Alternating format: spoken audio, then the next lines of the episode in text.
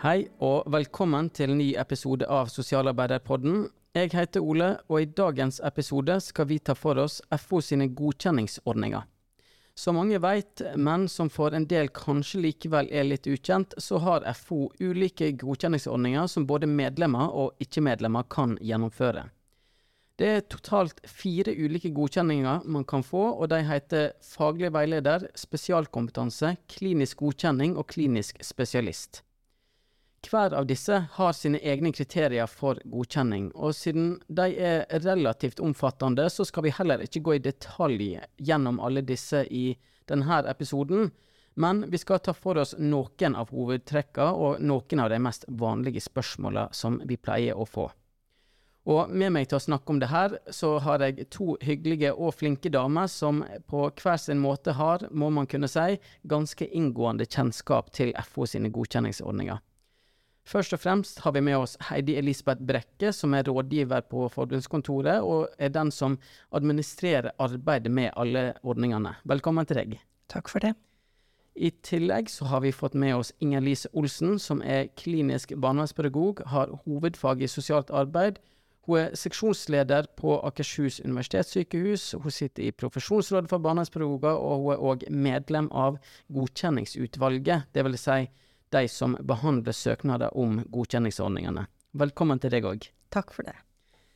Så, la oss eh, begynne med deg, eh, Heidi. Du har jo jobba en del år med disse her eh, godkjenningsordningene. Kan du si oss hvor lenge de har eksistert?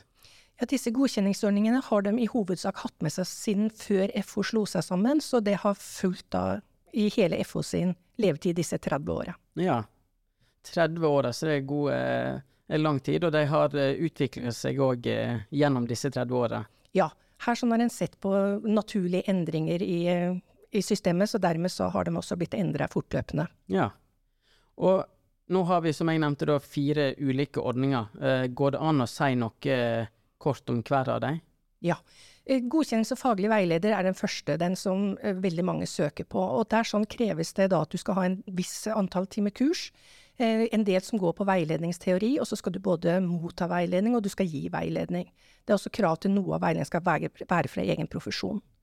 Og ordning nummer to, som er spesialkompetanse, den er bygga på en 60 studiepoengs videreutdanning innenfor én og samme fordypning. Her trenger du ikke å ha en klinisk fordypning. Her sånn kan det være mange ulike fordypninger, men eh, felles valg er at det skal være på 60 studiepoeng. I tillegg så skal du motta 160 timer veiledning, og du skal ha fem års arbeidserfaring. Det er en enkeltstående godkjenning, så den på en måte bygger du ikke videre på. Du trenger heller ikke være godkjent veileder for å få spesialkompetanse. Så har vi den kliniske godkjenningsordningen, som er den mest uh, populære, som flest søker på.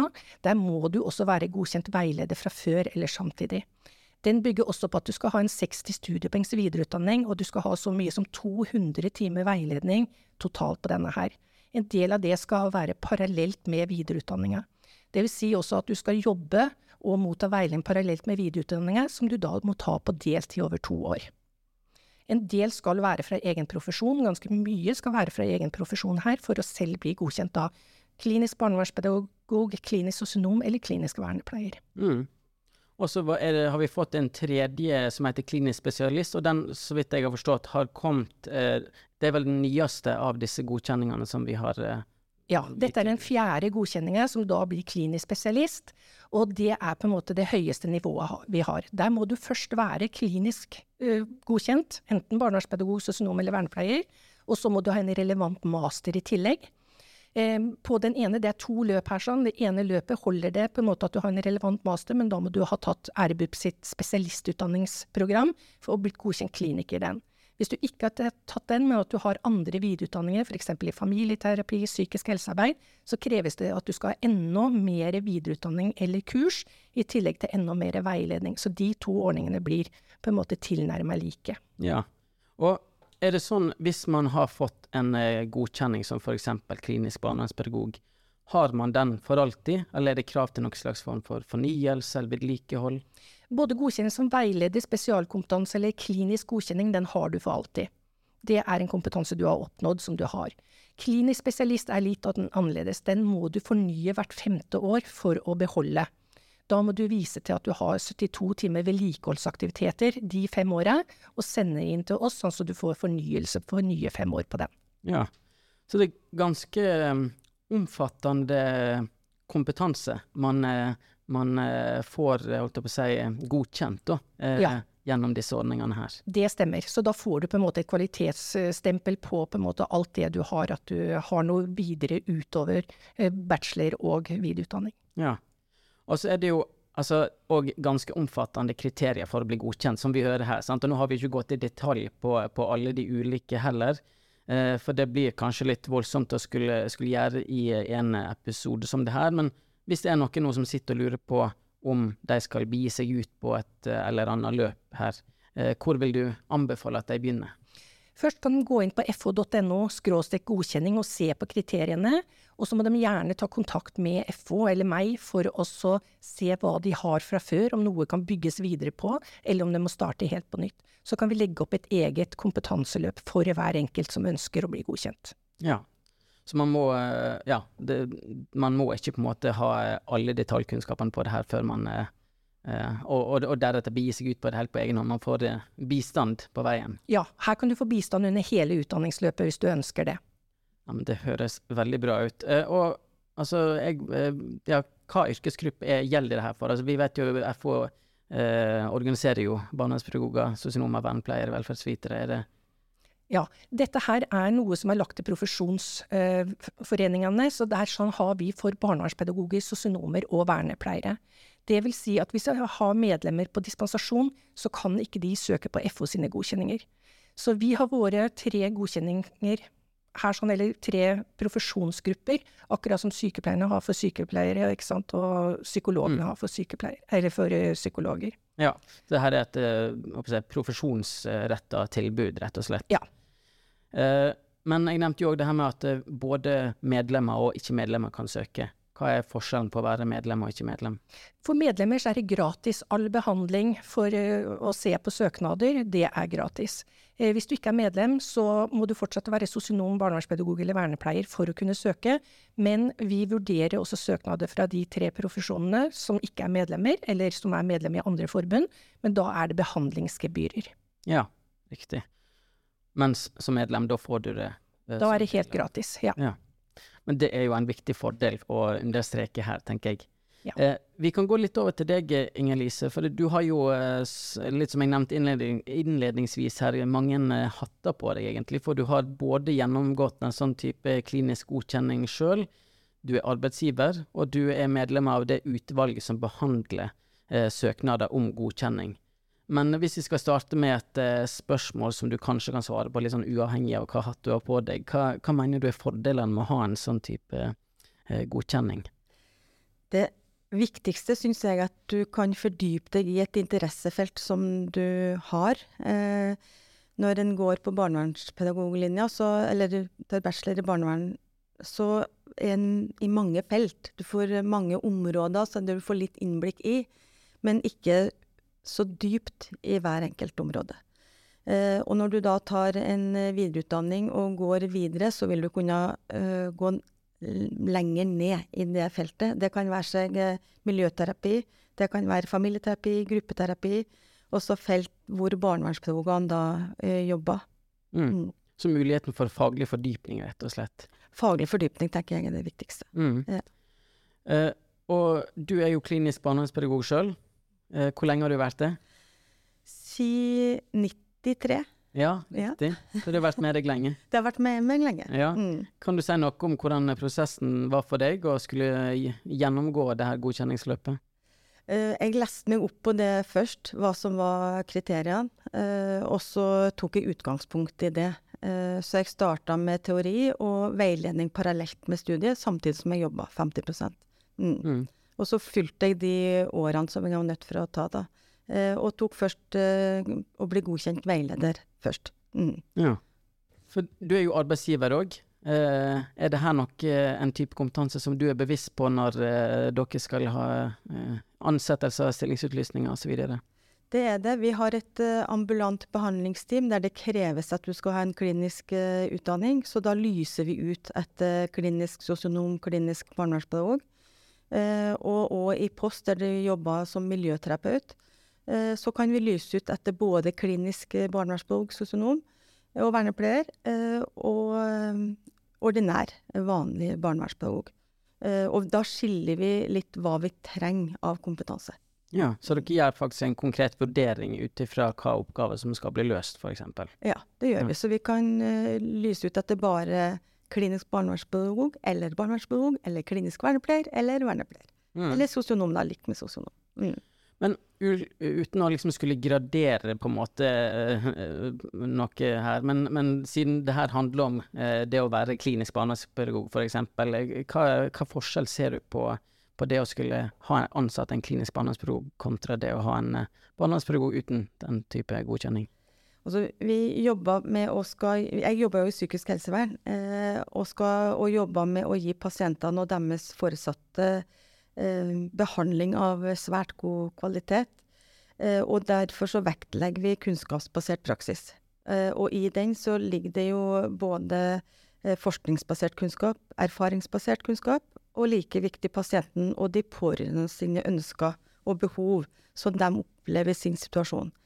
Så i løpet av et sånt eh, forløp, når du tar en, eh, en klinisk utdanning, så, så vil du ha lært deg til å lese eh, fag på et eh, litt høyere nivå.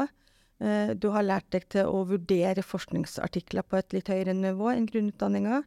Eh, og du har òg fått eh, trening i og eh, veiledning på hvordan du skal omgjøre eh, kompetansen, den, faglige kompetansen til praktisk eh, kunnskap. Eh, og det ser vi litt forskjell på eh, av dem som har en grunnutdanning, og dem som har en klinisk utdanning. Ja. Mm. Og til, hvis du skulle kommet med f.eks. et råd til andre arbeidsgivere, da, som Altså, du har jo en bakgrunn her som kanskje har gitt deg en mer inngående kjennskap til disse her ordningene enn det mange andre vil ha. Men hvis du skulle gitt et råd til andre arbeidsgivere, hva ville det vært? Det ville vært å sette seg inn i eh, de forskjellige utdanningene. For selv om vi har en felles grunnstamme, så det, har vi forskjellig fordypning. Om du er vernepleier, sosionom eller barnevernspedagog. Eh, Så jeg vil tenke at det er viktig å sette seg inn i de utdanningene og tenke hva er det du trenger. Eh, Og likedan i forhold til fordypning, hvilken fordypning er det du trenger. Eh, Og så er det jo sånn at det finnes jo ikke eh, flust med kliniske barnevernspedagoger. Eh, Så noen ganger er vi nødt til å utdanne dem sjøl òg. Og da er det viktig at en òg da velger hvilken kompetanse det denne seksjonen trenger, denne institusjonen trenger.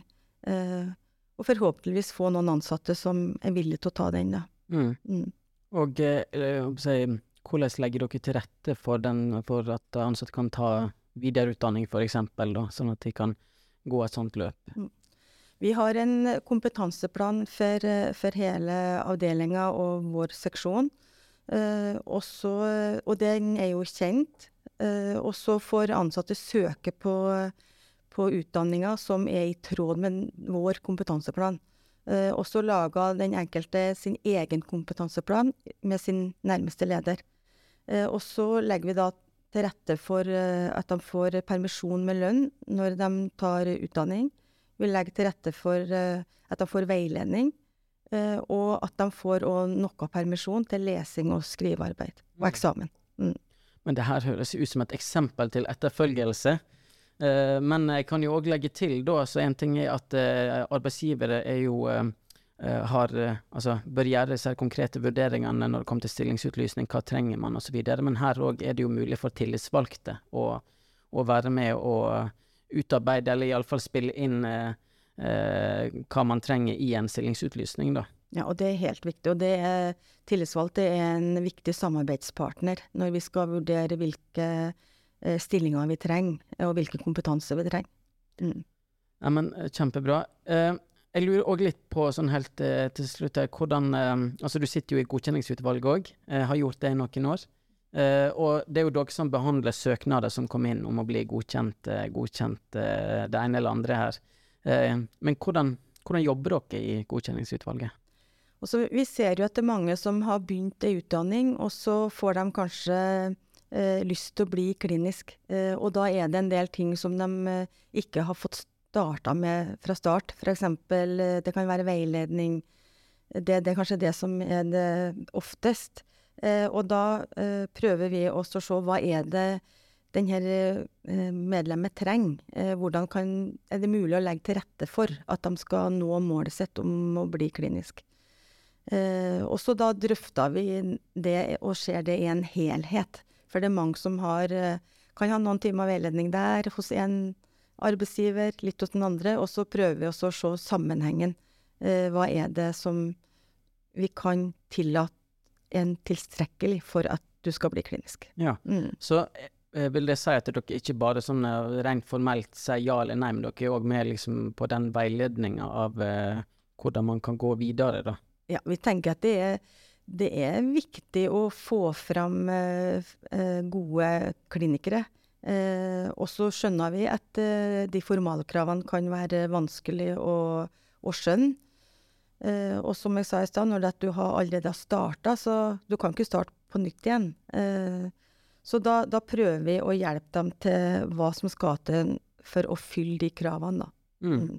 Ja, men her, er jo, det her blir jo en slags oppfølging av det òg Heidi sa, at her, her er det jo viktig å eh, kanskje være tidlig ute og ta kontakt og, og sjekke opp i hvilke muligheter man har. Ja, det er helt riktig. Mm. Mm. Ja, så det, Nå har vi hørt litt hvordan dere jobber, men uh, det er jo også sånn at uh, hvert profesjonsråd har jo uh, tilknyttet et eget godkjenningsutvalg. men hvordan er sammensetninga? Hvem er dere som sitter i disse utvalgene? Vi er fem stykker som representerer både høyskolesystemet og praksisfeltet. Og vi er òg fra hele landet. Noen fra sør, vest, øst og nord. Ja. Midt. God sammensetning. Veldig god sammensetning. Mm, det er bra. Vi kan gå litt tilbake til deg, Heidi. For du eh, har som sagt du har jobba med disse her ordningene i en god del år. Jeg vil tro at eh, du har fått en del spørsmål opp gjennom åra, og eh, en del spørsmål som trolig går, går igjen er det noe, noe som eh, Hva er det som går igjen av spørsmål? Ja, det stemmer. Og jeg sitter jo i alle tre godkjenningsutvalgene, så jeg ser på en måte dem litt på tvers og ser hva som er likheter og ulikheter. Det som kommer ofte som spørsmål, det er hvor de finner godkjente veiledere. Og da har jo FO en egen veiledningsbank, hvor de av våre medlemmer som er godkjente både veiledere og klinikere, står oppført, som de kan ta kontakt med. Eh, vi får også spørsmål om kurs, om FO godkjenner kurs, og det gjør vi. Det er eh, inne på fo.no godkjenning, så kan en også søke om kurs. Det er kursholdere som søker om disse kursene. Hvis kandidater har gått da på disse kursene, kan de bare ta vare på kursbevis, selv om det ikke står at FH har godkjent det. Så ta vare på kursbevisene, bruk dem inn i godkjenningsordningene der det er behov for det. Um, vi får også en del spørsmål om hvorfor de skal motta veiledning fra egen profesjon. Uh, og det er jo for å bygge egen yrkesidentitet, eller profesjonsidentitet. Og de skal bli godkjent kliniker innenfor sin egen profesjon, og da mener vi også at det er viktig at du mottar veiledning nettopp fra egen profesjon. Og det er noe med å finne ut hvordan løser jeg arbeidsoppgavene med det at jeg er barnevernspedagog eller sosionom i bunnen, kontra hva andre profesjoner gjør. Mm. Så det, er, er det handler om å bygge profesjonsidentiteten, og så er det, eh, sånn som jeg forstår et slags uh, minimumskrav. Altså det er et krav til hvor mye veiledning du må ha, og så er det et minimumskrav fra egen profesjon. Det stemmer. Mm. Og så er vel òg et spørsmål som eh, går igjen, vil jeg tro, eh, hvorfor man, eh, eller om man får lønnsmessig uttelling ved å bli godkjent kliniker, f.eks. Ja, det er et spørsmål som går igjen. Og her er Dette varierer veldig i forhold til hvilken tariffavtale en har, lokale forhandlinger en har. Eh, ja, altså det beste er hvis en avtaler med, eller går i dialog med arbeidsgiver før en starter. For hvis arbeidsgiver på en måte er med og legger til rette for at du skal få godkjenninger, så er det mye lettere å få lønnskompensasjon i etterkant. Eller så må de ta kontakt med nærmeste tillitsvalgt eller fylkesavdeling for på en måte hjelp til å mm. jobbe videre med det. Ja.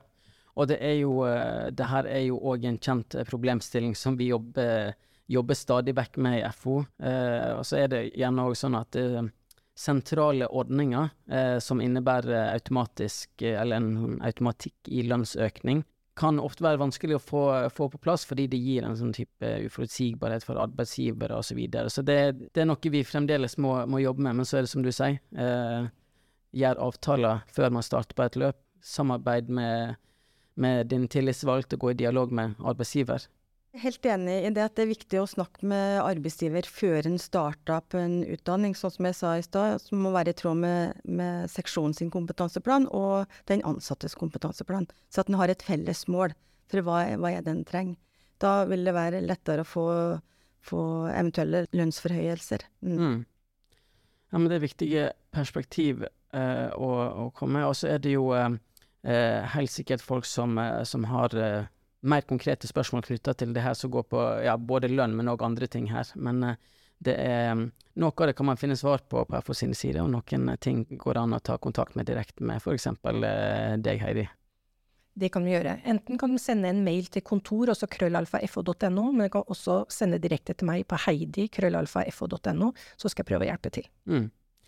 Men vi skal snart begynne å gå litt inn for landing her, men uh, vi pleier jo ofte å spørre gjestene våre om de har liksom et siste budskap de ønsker å uh, komme med. Og nå er det jo både Altså, her kan være både tillitsvalgte medlemmer uh, eller arbeidsgivere, så det kan være mange som lytter til, men har dere et siste budskap å komme med?